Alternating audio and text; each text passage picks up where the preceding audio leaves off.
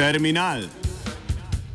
Vedno različni, nikoli isti, reš kolumnisti, isti, isti, isti, isti, isti, isti. Da se v Sloveniji povečuje delež starejšega prebivalstva, seveda ni nobenega dvoma. Prav tako se lahko strinjamo, da to pomeni v bodoče več izdatkov za pokojnine ter za zdravstveno varstvo. Država bo morala pri vodenju ekonomske in socialne politike ta dejstva upoštevati ter sprejemati ustrezne ukrepe.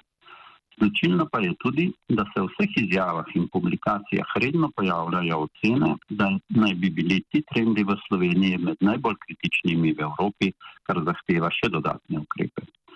Analiza uradnih podatkov o predvidenih demografskih gibanjih v Evropski uniji pa pokaže, da naj razmere v Sloveniji vseeno ne bi tako odstopale od povprečja Evropske unije. Bojim se, da so takšne ocene in ustrahovanje običajno rezultat samo prepisovanja ocen drugih, ne pa poglobljenega preverjanja dejanskih podatkov.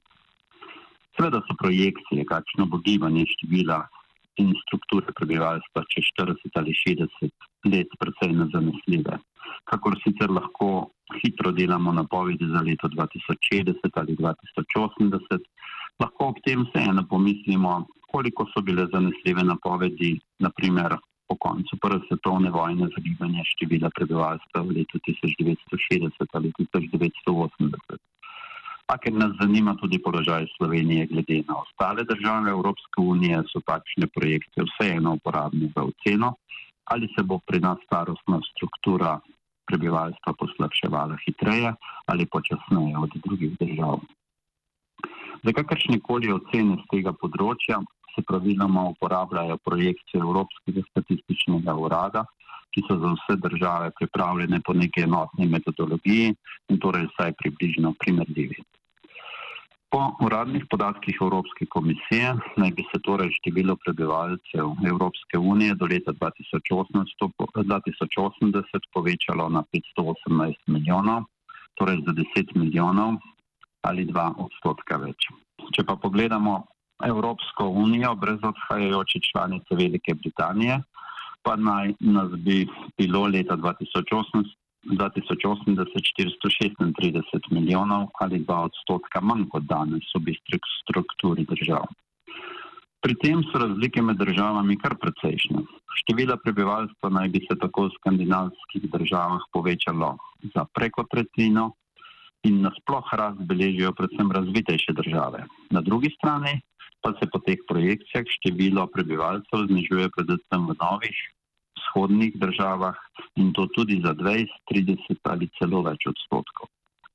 V Sloveniji naj bi bilo prebivalstvo do leta 2030 še nekoliko više kot je danes, poraslo naj bi torej do 2,08 milijona prebivalcev.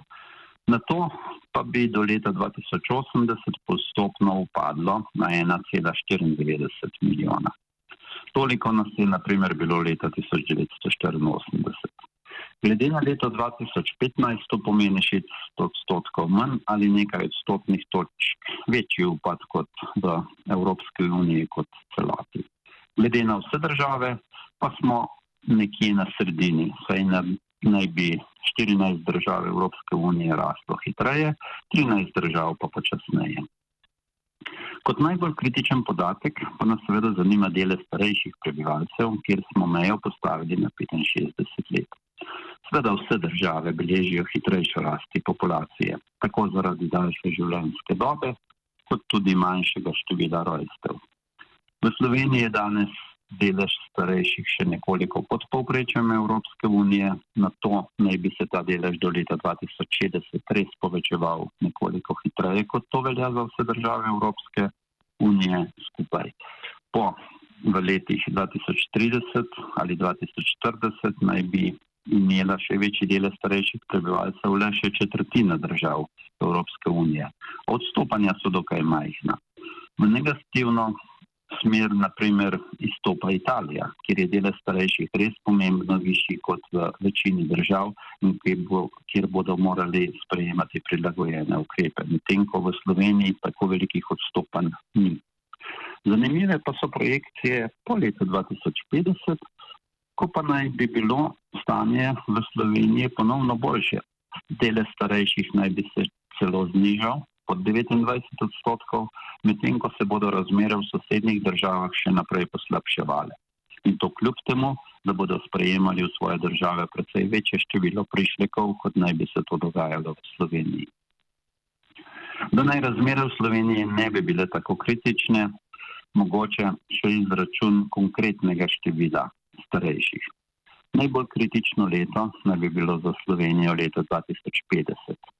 Takrat naj bi imeli v Sloveniji približno 40 tisoč več starejših ljudi na 64 let, ter sorazmerno 20 tisoč manj mlajših in 20 tisoč manj delovno aktivnih, kot če bi imeli strukturo, ki velja za evropsko povprečje. Če bi bila torej naša starostna struktura približno na povprečju Evropske unije, bi tole imeli nekaj več upokojencev, a številka 40 tisoč, glede na celotno populacijo, ni neka pretirana številka, zaradi katere bi, bili, bi lahko ocenjevali naše razmere kot bistveno bolj kritične ali odstopajoče od povprečja Evropske unije. Posebno glede na ugodnejše projekcije, ki pa se kažejo po letu 2050. Na koncu mogoče še nekaj podatkov o dosedanjem gibanju prebivalstva Evropske unije ter projekcijah do leta 2080.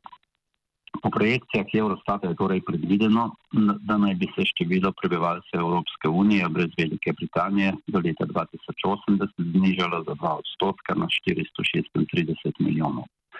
Pri tem naj bi se zaradi naravnih gibanj, rojstva in smrti število prebivalcev v skoraj vseh državah Evropske unije do leta 2080 zmanjšalo celo za 10 do 30 odstotkov.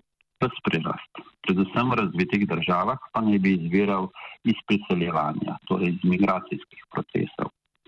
Zanimivo je, da imamo od vseh sosednjih držav, ter tudi od Nemčije, v Sloveniji vseeno višjo naravno rast oziroma manjše upadanje števila prebivalcev. Vsa hitrejša rast števila prebivalcev, ki naj bi jo imeli, naprimer v Avstriji ali Nemčiji, izvira samo iz migrantov, torej neto priseljencev.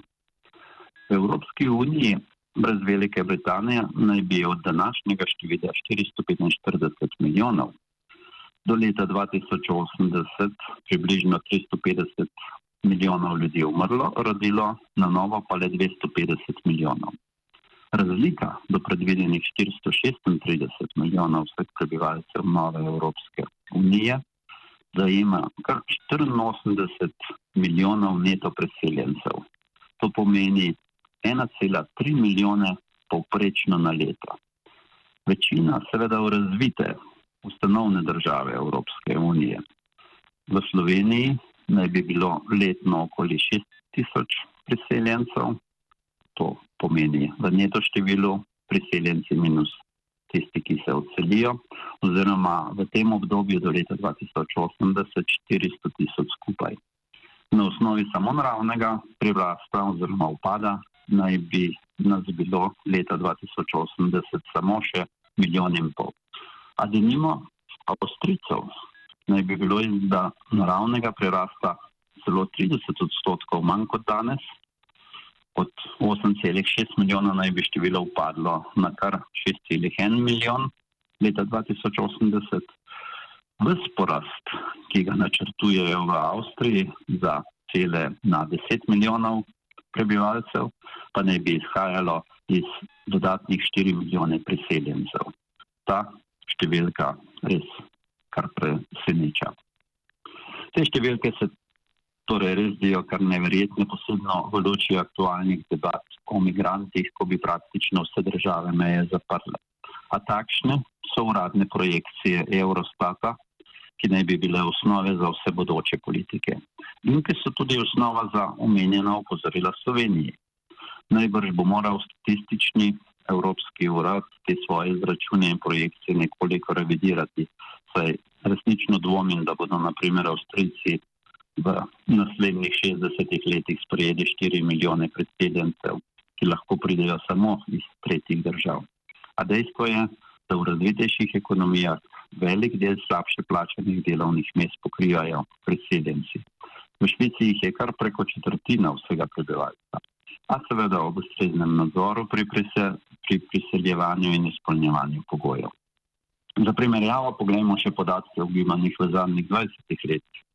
Brez migracij bi bilo število prebivalstva v Evropski uniji približno enako, kot je bilo pred 20 leti. Manjši upad bi bil v vzhodnih državah, v nekaterih razvitejših, naprimer skandinavske države in Francija, pa so imeli par odstotkov porasta.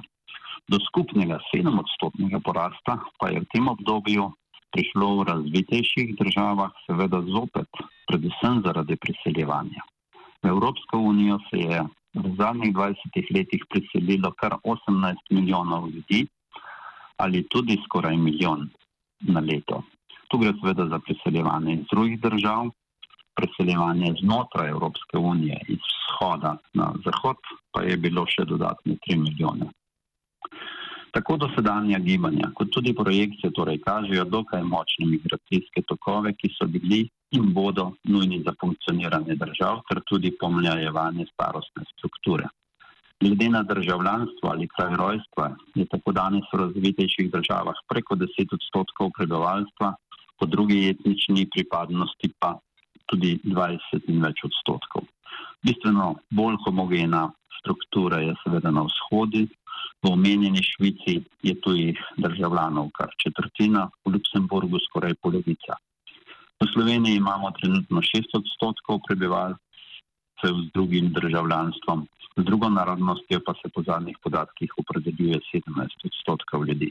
Pri tem je zanimivo, da število ljudi z področja bivše Jugoslavije ostaja podobno, okoli 7 odstotkov, močno pa se povečuje število ljudi drugih narodnosti.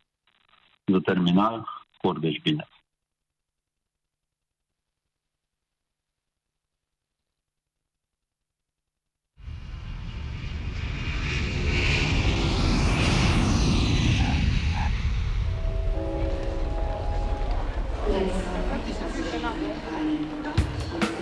Terminal.